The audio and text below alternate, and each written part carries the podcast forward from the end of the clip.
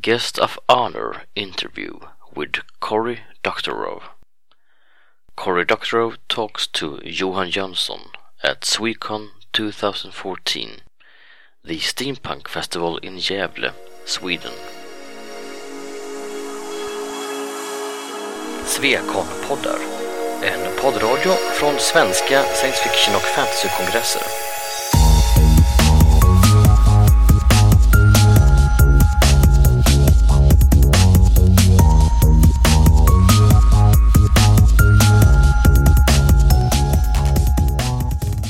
Alright, so let's start this. Hello and welcome everyone. Honor to you, Mr. Cory Doctorow. I will take questions from the audience later, um, but I prefer if you wait until I open for them later during the interview. Um, with that said, would you like to start by shortly introducing yourself and your history as a writer and as an activist? Sure. Uh, so my name's Cory Doctorow, and I'm from Toronto. And uh, I started writing when I was six. Uh, my, my dad took us on the uh, family Brontosaurus in 1977 to see uh, Star Wars. And um, the interesting thing I think for, about Star Wars for a six year old in 1977 was not its particular virtuosity. I mean, it's a pretty good movie. I'm not one of those people who thinks that it's the greatest film ever made but it was as, it was its narrative complexity, uh, which was a thing very much in short supply for six year olds in the in the mid 70s. Uh, children's literature was very linear, uh, very simple, and children's television programming in those days was likewise very very straightforward and simple and linear. And so access to a story that had multiple points of view and reversals and plot points that turned on one character not knowing something that another character knew, that sort of thing, really blew my mind. So when I got home, I took some paper and stapled it up the edge and then trimmed it to the size of a paperback novel and started writing out the Star Wars story over and over again as best as I could recall it, like a kid practicing scales. And uh, found it incredibly, immensely satisfying and uh, declared that I would be a writer. And, and after that, continued to write. Um, and when I was a teenager, I started putting stories in the mail to um, uh, science fiction magazines, and I started selling when I was about 17. Uh, and I won the Campbell Award for Best New Writer about uh, five or six years later, and have continued to write and sell novels ever since.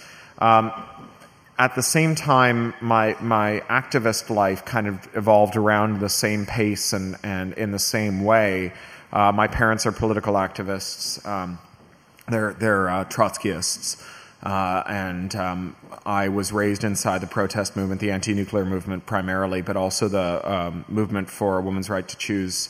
Uh, and uh, the reproductive rights struggle in Canada was very hot when I was in, in uh, a young person. It was the era in which the key Supreme Court challenges that would eventually legalize abortion on demand uh, became uh, were being fought, and it was. Um, it was something my mother was very involved with, and so that was was also a key piece of my upbringing. And I was a, uh, a young anti-nuclear proliferation activist and organizer when I was about 10 or 11. I founded a group in my school and we, we uh, marched and organized and, and got beaten up and, and nearly got kicked out of school for it and, and sort of did all of that stuff. And so I kind of was doing the same thing around the same time.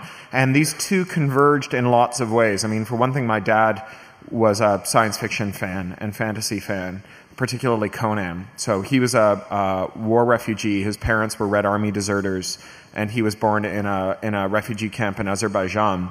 And when he got to Canada, the literature that he liked was comic books, uh, and particularly Conan comics. And so when I was growing up, he used to tell me Conan stories and the uh, as uh, re- reworked as socialist parables. Uh, and he replaced Conan with a trio called Harry, Larry, and Mary. So there was some gender balance in there. And um, Harry, Larry, and Mary were a lot like Conan, but after felling the evil Grand Vizier, they wouldn't assume control of the kingdom. They would set up workers' collectives. so I grew up with this stuff, and, and you know, the, the, the left in Toronto had a substantial overlap with science fiction, uh, also in the form of Judith Merril who is a, was a great feminist uh, writer, editor, anthologist, and who had founded a library in Toronto, which was then called the Spaced Out Library and is now called the Merril Collection. It's the largest public science fiction reference collection in the world. And Judy was the writer in residence there.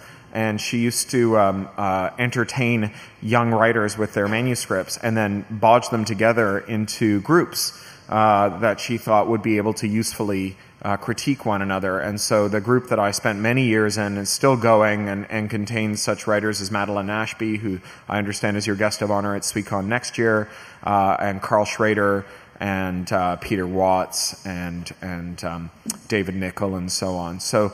Uh, all of these things kind of swirled together. In the, uh, I was very involved with computers. My dad's a computer science teacher. Uh, we started having uh, computer terminals, screenless teletype terminals in the house from 77, same year we saw Star Wars. And I was programming them from that age. And so I founded a, a technology startup, a peer to peer open source software startup in the late 90s and moved to California to run uh, our California office and jumped ship to work for Electronic Frontier Foundation, which is a civil liberties group that operates on, on internet policy and went from there to run their European operation and moved to the UK to do that, and then reached a point where my writing was taking up so much time that I quit my day job to write full time in 2006. And so that kind of is how I ended up here where I am. And you've written a lot. Mm-hmm. Of course, it takes a lot of time because you have written was 18 books something like 16 18 something like that depends there's there's three unpublished books that are kind of in production now there's a, a children's picture book that has doesn't have a production date but is in production and there's a uh, a nonfiction book McSweeney's will do in October, and a graphic novel that First Second will do in September. And if you count them all up, I think it's 19.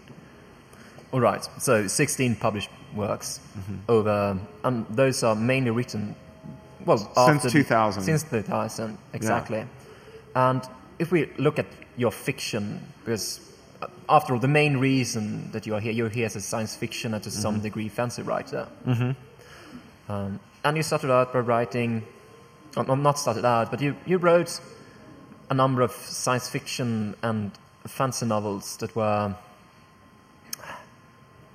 very interesting, full of nice ideas talking about someone comes to town, someone leaves town, Eastern mm-hmm. Standard Tribe, Down and Out in Magic Kingdom.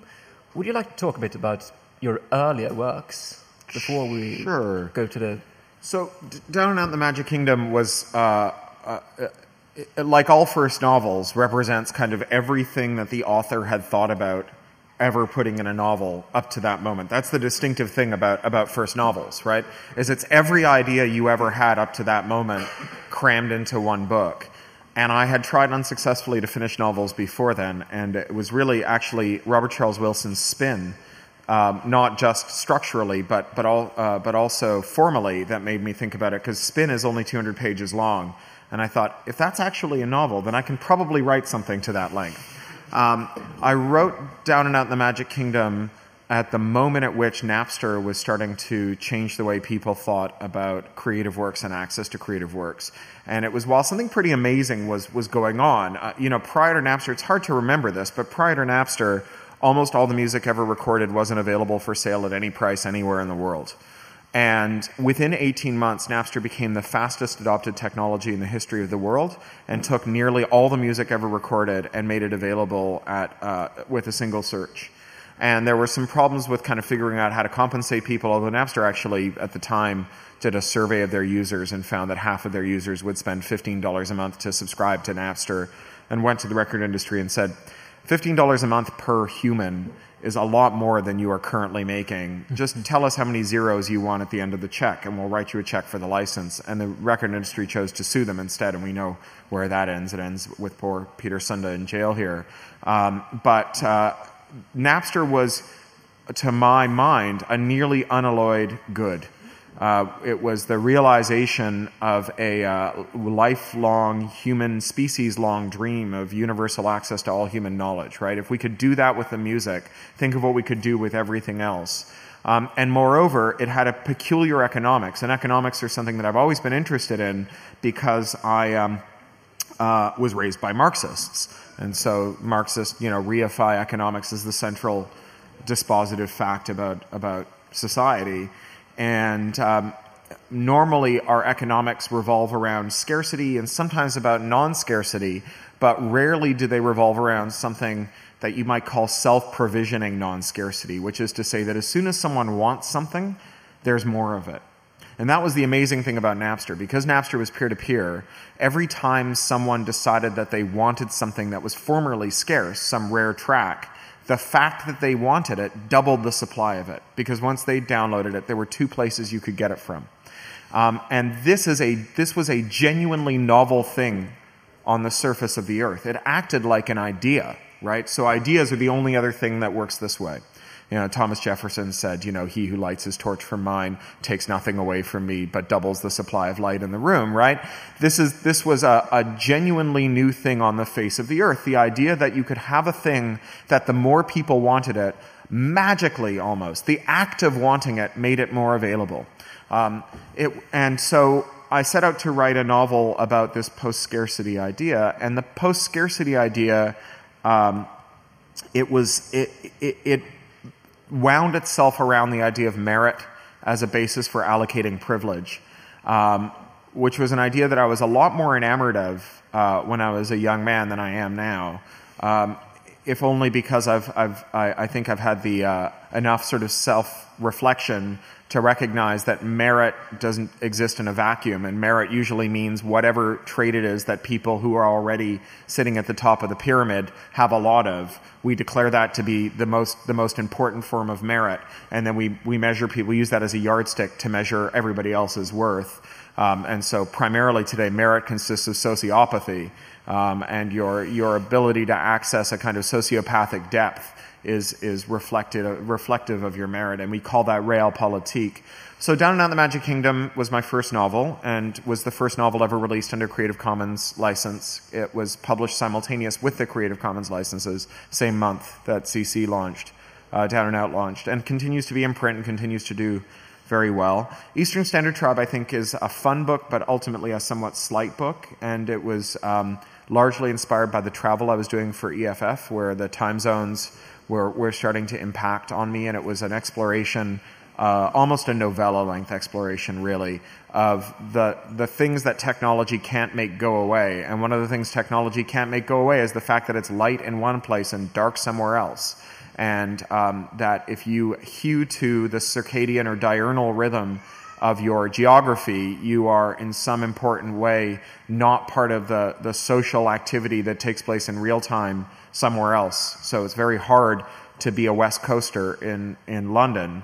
Um, and almost impossible when you get east of London. Uh, it's, it's actually a real limiting factor in our life. So much of what I do involves real time correspondence with the West Coast, which means that I, I don't really get a dinner hour.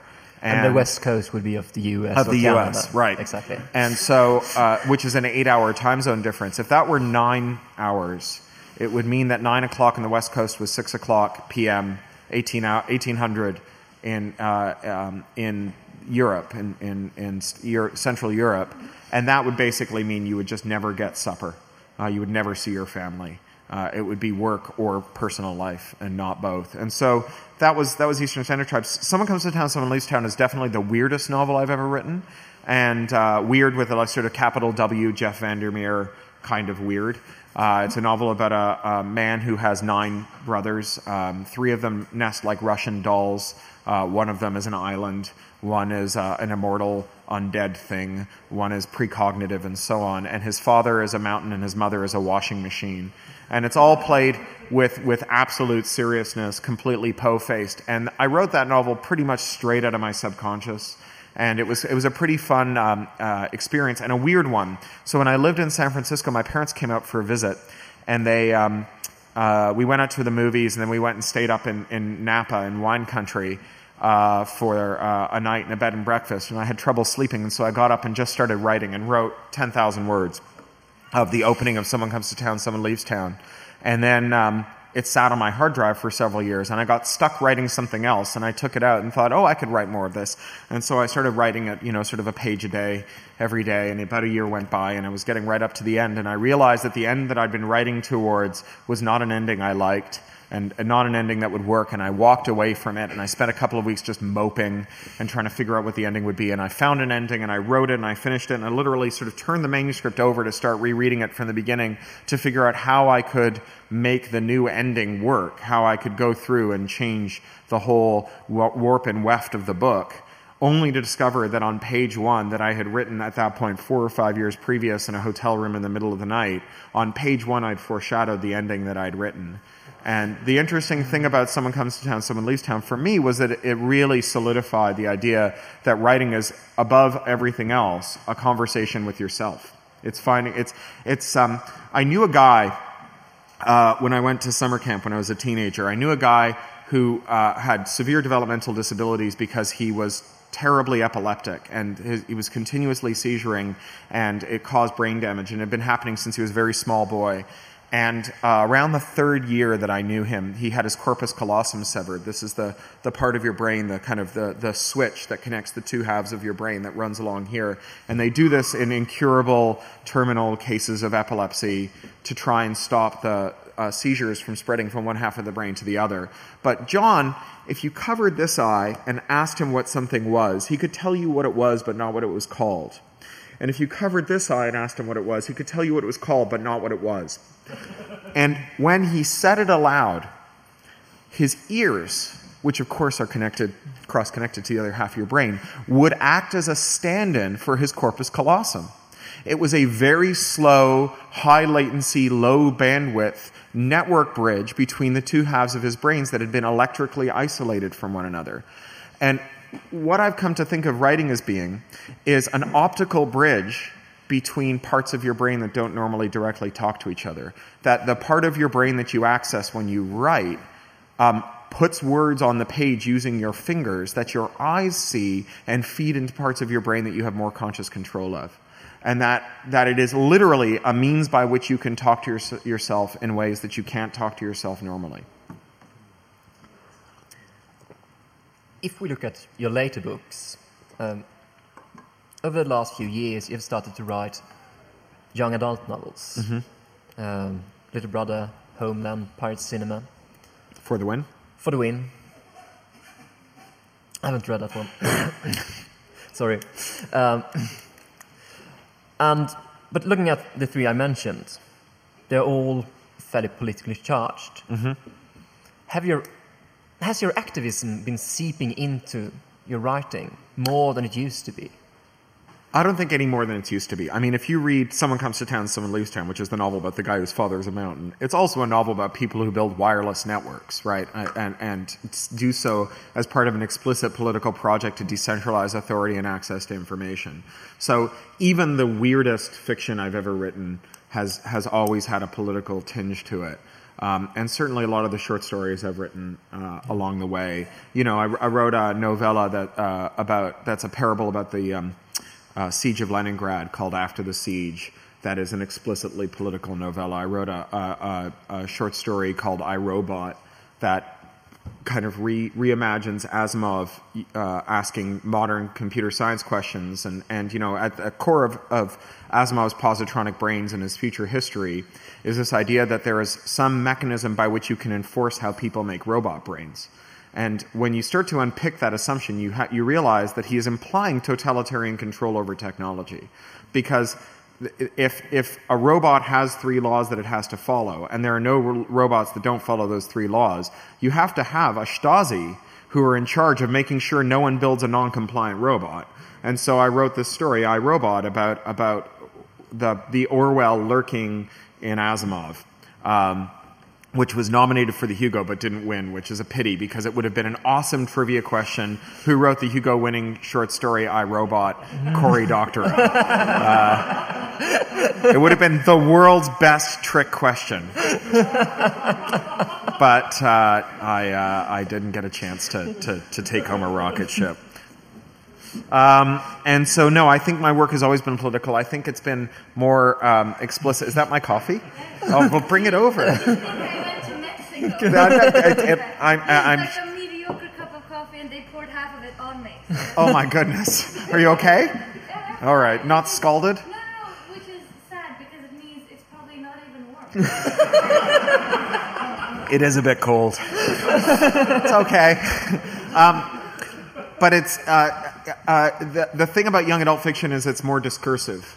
Uh, and it's explicitly discursive in that Heinleinian vein. I love that about Heinlein, that, that he would drop into lectures um, about astrogation and about how spacesuits were built and about how you how computers worked. He thought, which he was usually wrong about, and so on. Um, and and it was also uh, um, explicitly discursive in the manner of one of my favorite Scott Westerfeld novels, which is a book called Peeps. Does anyone know this book called Peeps? Yeah, terrific book. So Scott read uh, the book Parasite Rex, which is a nonfiction biology book about the amazing world of parasites, and realized that there's a vampire story lurking in, in the parasite story, and wrote a, a vampire novel about vampires as part of the life cycle of a, of a deep parasite with which we co evolved that. Um, is like a nematode. Like 80% of the world's biomass is made of this this parasite, but it's it's so far underground we don't even know it's there. And vampires are just part of its life cycle.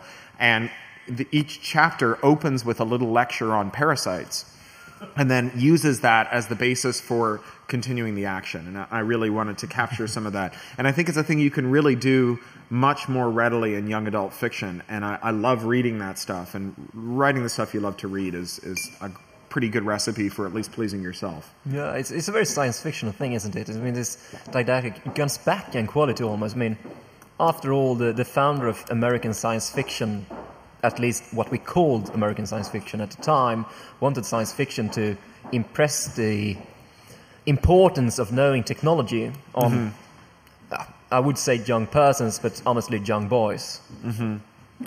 Wasn't Gernsback a Swede? No, who was from Luxembourg? Oh, Luxembourg. Who the fuck is from Luxembourg apart from Juncker? Hugo Gernsback. Uh, I guess so. But yeah, of course. It, so they are not. m- There isn't more of your activism. It's just more obvious. But are you trying to achieve something different with these books than with your other books? Uh, only to. So I think that with Little Brother, there was an element of of wanting to make kids sit back and say, whatever it is I feel like computers are doing to constrain me are not inherent to the architecture of computers and is rather the, the outflow of explicit choices made by people who want my computers to spy on and control me. And and no, and and there there is nothing intrinsic about computers that make them thus. And I can reconfigure all the computers in my life to do that. And I did, uh, you know, I do want to sort of create a virtual botnet of adolescents who root their machines and jailbreak their devices and and and route around every firewall because I think that's a like that's a a, a, a good thing for the larger project of human liberation.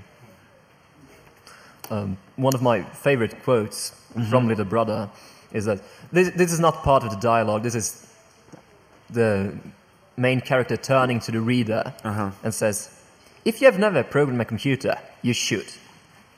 Yeah, yeah. So one of the things, so I grew up reading counterculture, anti-authoritarian books, some aimed at kids, some aimed at adults, and they tended to be very fact-heavy, right? If you read a book like The Anarchist Cookbook or, or Steal This Book, those were books that were full of facts that were all out of date and, and largely useless, except as an example of the kind of thing that might be done. But almost every, almost all the information contained in them was irrelevant Yeah. uh, to the world. But facts used to be really expensive, right? Um, and when I was a young person, we traded facts for social capital. I remember one of my one of my friends learned from somewhere, and this is the kind of knowledge that floats around in the ether, that if you unscrewed the earpiece of a payphone and then short of the two contacts across the back with the um, metal on the cradle or just a gum wrapper, that you would get a clean dial tone that you could use to make free long distance calls.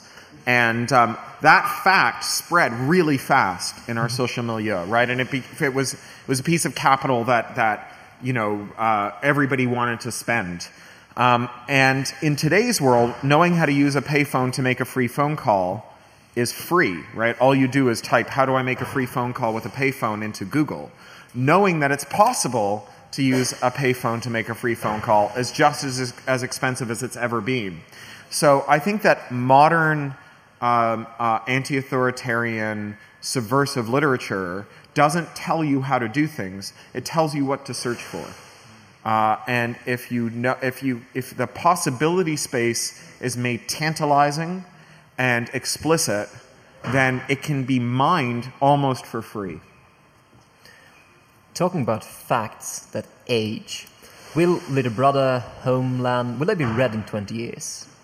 Oh, I don't know. I mean, in, I think there's a moderate possibility that in 20 years people will be digging through the rubble of civilization with long poles looking for canned goods. So I'm not sure. Um, will they be read in 20 years? Uh, I, I, I, honestly have no idea. I, I, am a science fiction writer, which means that I am keenly attuned to the fact that predictions on 20 year horizons are just the purest bullshit. So, I mean, do, do I aspire them to be read in 20 years? Certainly. Uh, but uh, I mean, I don't know that we'll have reading for pleasure the way we have it now. I'm reading for pleasure was a different thing than it is now 20 years ago, and it will be a different thing. It'll mean something different 20 years from now. So I don't know. Maybe. Do you hope that Little Brother is relevant in 20 years?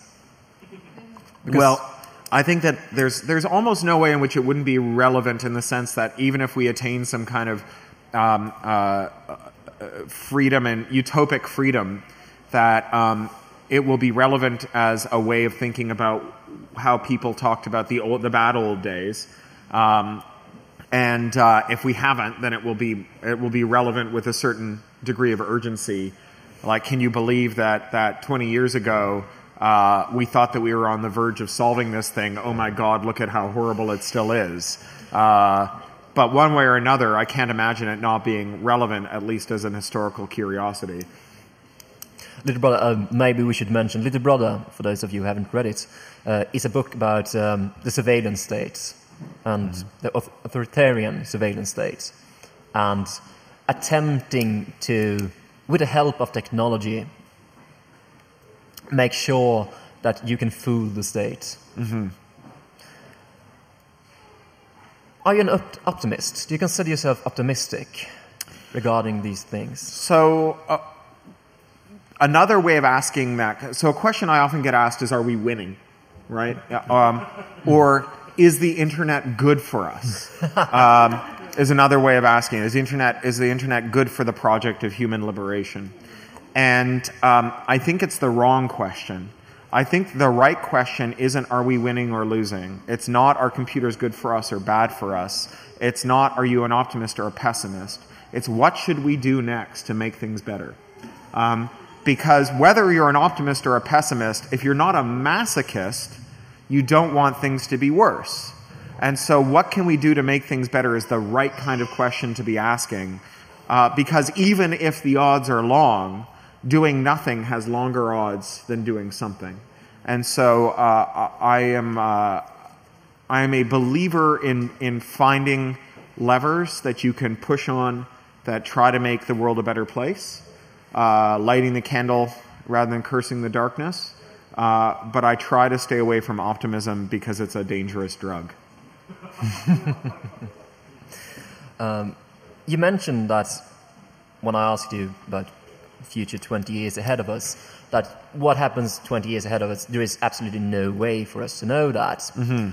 And still, you're one of the probably one of the most prolific near future science fiction writers mm. because a lot of people they get around this by writing about stuff 400 years into the future or 1000 mm. years into the future and so on but you tend to write about the near future uh, is this difficult do you care about can science fiction be wrong and can it be right yeah, well, I mean, the, if you're reading science fiction to find out about the future, you will be very disappointed by the future.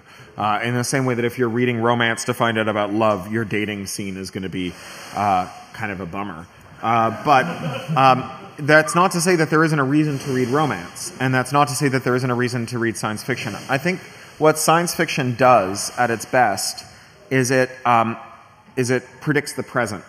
So um, if you think about what happens when you go to the doctor with a sore throat, and uh, the doctor uh, will go and take a swab off the back of your throat, and she'll swipe it on a petri dish, and she'll leave the petri dish in a warm place over the weekend.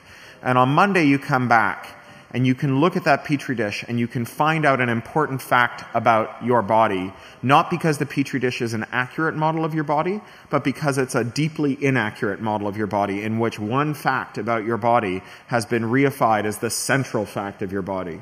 And what science fiction writers do is they reach into the technium and they pluck out a single technology and they imagine a world in a bottle in which that technology is the totalizing fact of that world. Not because we are headed for a world in which that one technology is the totalizing fact, but because um, by doing that Gedanken experiment, you can peer into the fact and interrogate the fact and find out things that are too diffused to understand um, uh, in any other way.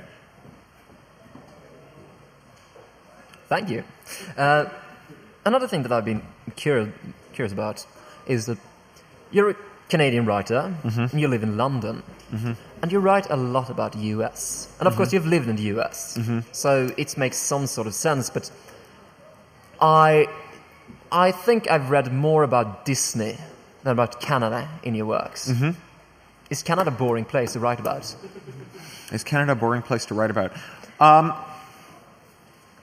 well, it certainly lacks the uh, exoticness uh, that somewhere else might have. Uh, as someone who was born in, in who someone who was born there, right? W- whatever you're used to is mundane, um, and so there's a certain mun- mundanity to Toronto that other places lack, uh, but only but only because they have a novelty to me. Um, I think that the U.S. Uh, is is the pole around which science fiction turns for the most part. Um, it uh, for for all we have Cyril uh, t- t- Cyril Čapek. It's not. I'm not pronouncing his first name correctly. And Hugo Gerns, and and Hugo Gernsback from Luxembourg. Uh, it is an American literature in in a in a deeply true way, not an exclusively American literature, but an, but a but a very American literature nevertheless. And so addressing America is an important thing. And when you're talking about the internet, and when you're talking about the general purpose computer, you're also talking about America uh, in a way that's that's not entirely true, but still very true. And so America is a thing that my my work revolves around. Disney is an interesting uh, kind of element of that. Uh, the Disney theme parks, in particular, are quite utopian, um, and not just utopian in the sense of being perfect. Uh, you know, utopia has historically been conceived of as, as a state of being, but they are utopian in that they are also a theory of human action. That the theory of human action in a Disney park, exp- uh, explicitly articulated by the management to the, to the workers there, is that if you are friendly to people, they will be friendly to each other. Uh, and that the, you know there's the, the one of the, the victory conditions for Disney of their customers is when the customers start picking up rubbish on the ground because they see the employees doing it. And so I really think that utopia is a theory of human action. I think utopia represents a theory about what we do when things go wrong. And a dystopian theory of human, evol- of human action is the theory that when things go wrong, your neighbors will come over with a shotgun to take your food. And the utopian theory is when things go wrong, your neighbors will come over with a, a, a first aid kit to see if they can help. And um, depending on which theory you believe, you get a different future, right? You actually, those, those, these theories are self realizing, right? If you believe your neighbors are coming over with a rifle, even if they show up with a first aid kit, you're going to expect that there's a rifle hidden in it. Um, and so, you know, one of the corrosive things about, about science fiction, particularly post apocalyptic science fiction, is that it takes as a given that the moment the lights co- go out, everybody turns into an animal.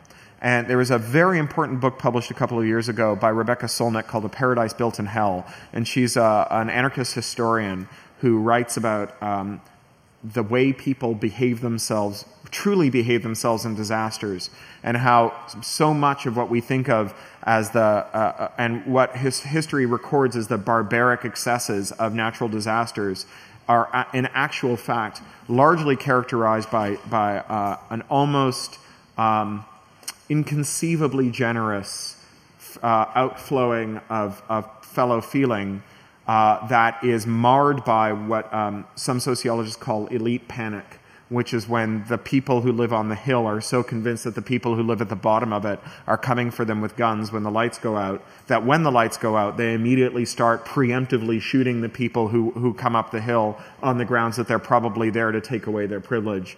And again, you know, if, if sociopathy is the virtue that our, uh, that our meritocracy rewards, you can see where elite panic comes from.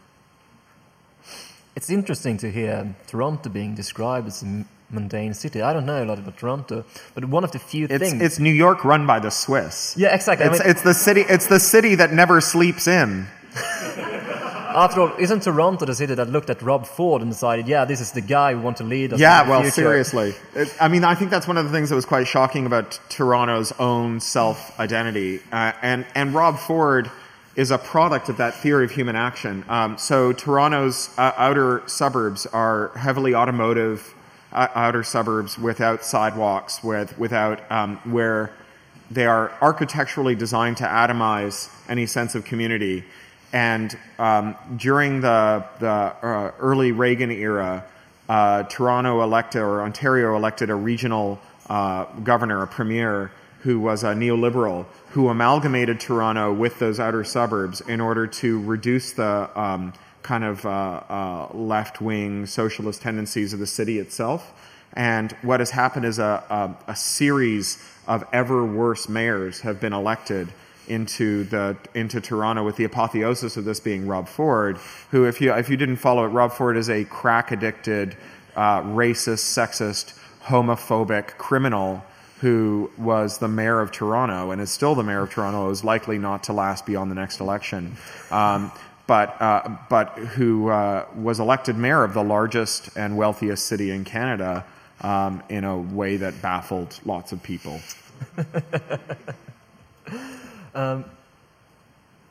Is political anger a good fuel for writing?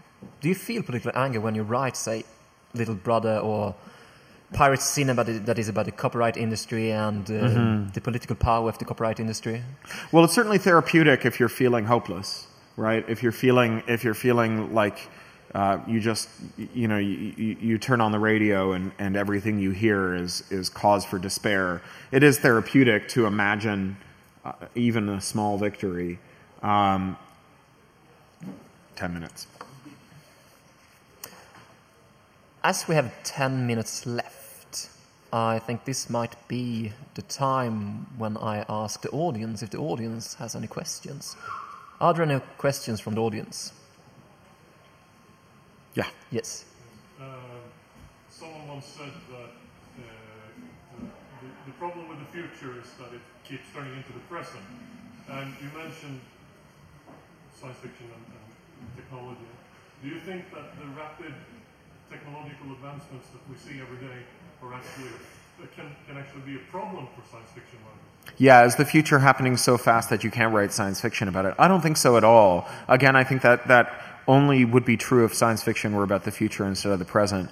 And I think that the, the two most two of the most radical science fiction novels or series written recently were Gibson's near future or near near past science fiction novel Spook Country, where he uh, over the course of about six years wrote novels that were each of them set two years before they were published that were science fiction novels. And then the other one was uh, was Stephenson's system of the world where he wrote um, uh, extremely tech heavy science fiction novels about the uh, leibniz and newton's fight over the invention of the calculus. And um, I think what both of them showed was that science fiction is not a futuristic literature. It's a literature about uh, that is whose speculation is about the relationship of technology to, to social change, and that you don't need to write. Um, you don't need to write about the future to explore that relationship, and that that's an urgent question, right? The question of the relationship of technology to social change is an urgent question, and so advancing theories of it um, is a, is a uh, substantive debate, right? It's it's it's an area where we can fruitfully l- learn things uh, uh, and equip ourselves with toolkits for understanding things going on around us. I mean, I think you know, there's a discipline now called design fiction that you may have heard of. It's often practiced not as prose, it's practiced as objects. So you may see things like cereal packets from the future that advertise that they've been explicitly made for you after sequencing your genome. Um, but uh, there's a lot of fiction also, design fiction also, where someone explicitly sets out to write a story or a novel uh, that explores the future of a product and how it's used, or a, a, an industry and how it's used. And I think of these things as being the uh, kind of literary or artistic equivalent of the architectural fly through, right? Uh, or the architectural model. The, the architect builds a model of her building that's this big because looking at the elevations and the floor plans don't get you a sense of what the building's masses will do in a way that the model does or the fly through will. And, you know, fiction's great virtue and its great deceit is that it supposes or lies to you that you can find out what someone else is thinking, right? And um, that you can experience life from behind someone else's eyes in a way that no other form uh, uh, pr- has the pretense of doing. And, uh, and so that, whether or not there's technological change uh, that, that leaves your, quote, predictions in the dust, you nevertheless get that design fiction element, the experience of the technology from, from inside the head of someone else, that empathic experience. Yeah. Um, I'm into uh, playing alternate reality games. Mm-hmm.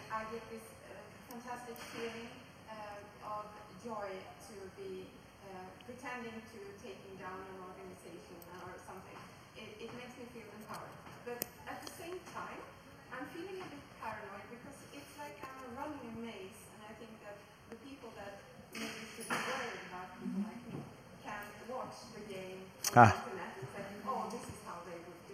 Right. So if you're if you're playing an ARG, and, uh, and, and it's an anti-authoritarian revolutionary ARG, then it gives the uh, the forces of reaction uh, special insight. It's a simulation for the forces of reaction to understand how you would fight a guerrilla army.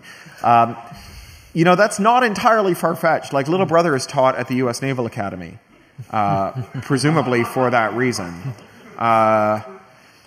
Uh, I, um, but I think that what you're asking is really a security question. How do you secure yourself as a radical from the forces of reaction if your tactics are on display?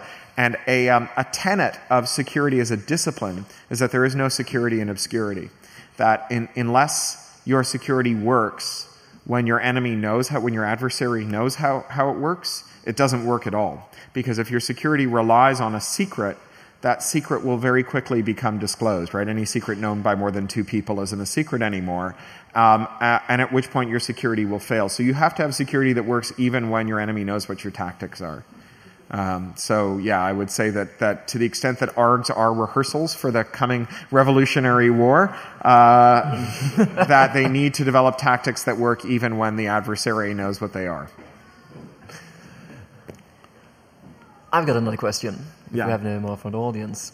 So um, I read it was a couple of weeks ago, if I remember correctly, or a week ago, something like that. That one of your books, or Little Brother, was supposed to be taught in an oh, American yeah. school, and it was decided unsuitable. Mm-hmm. How do you feel about this? Yeah, so the school, Booker T. Washington High School in Pensacola, Florida, the librarian and head of the English department um, decided that they would do a one book, one school summer reading program where every all the kids in the school be asked to read one book that they could discuss as a school in the in the autumn over the summer break and they got authority from uh, they got approval from the school authorities to do this. The vice principal signed off on it. They developed curricular materials. They um, started talking it up with the students. And literally, like two days before the school broke up for the summer, the principal, who had never read the book but had read the reviews of it, decided that it was unsuited and canceled the entire summer reading program, the One School, One Book summer reading program, in order to avoid having to make a, make a decision about it. Rather than banning the book, he just canceled the program. And um, on the one hand, there is something awfully validating about having your work challenged by authoritarian high school principals.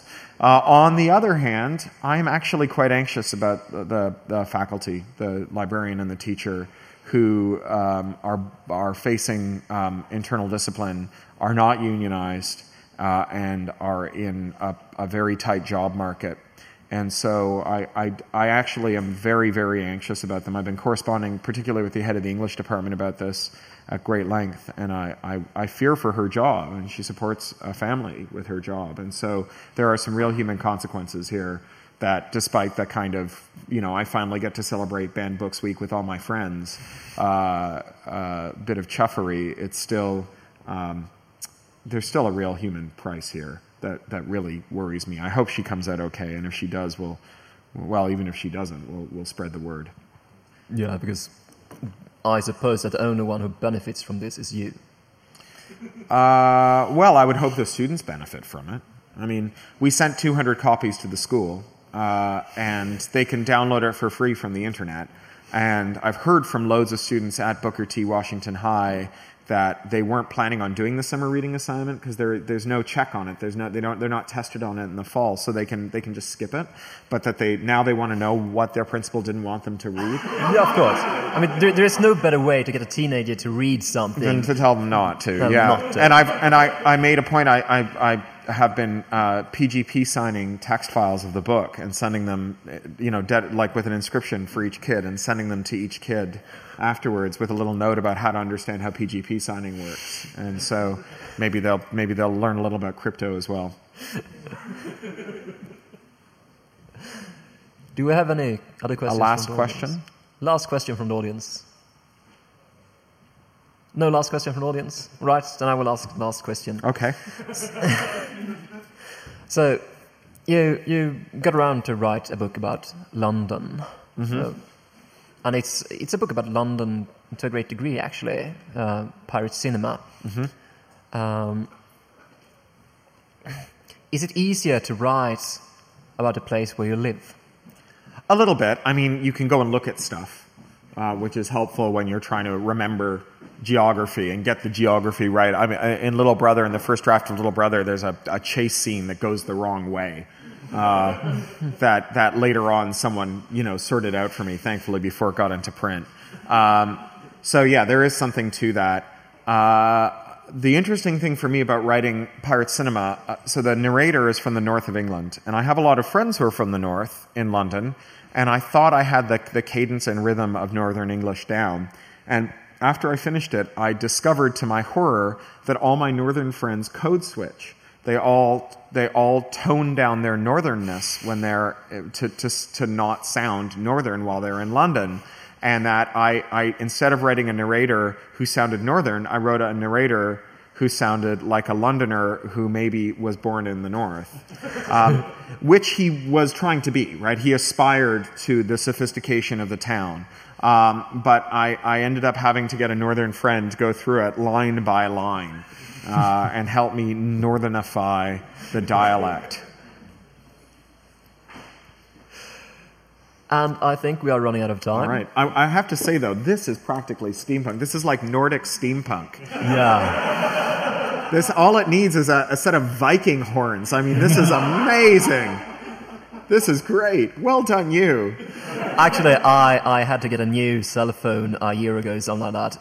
Uh, and um, so a year ago, I actually got a cell phone that was from the 2000s, and that right. was the first for me. Wow.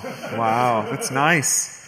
All right, I think I'm going to sign the last of the stock over there at the table. The bookseller's very uh, nicely come out with her trolley. Yes, so if so anyone would like a book, my daughter's college are, fund thanks you. If you have suddenly gotten interested in any of the books that we've been talking about, right. then please do buy them over there. Well, thank you all. It's been lovely coming to Sweden. Thank you for making me so warmly welcome.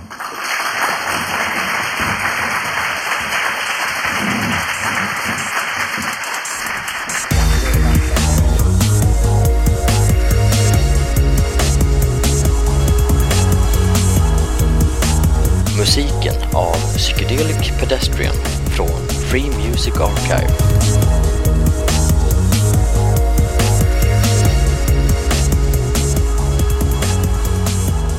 Besök gärna vår hemsida på svekonpoddar.se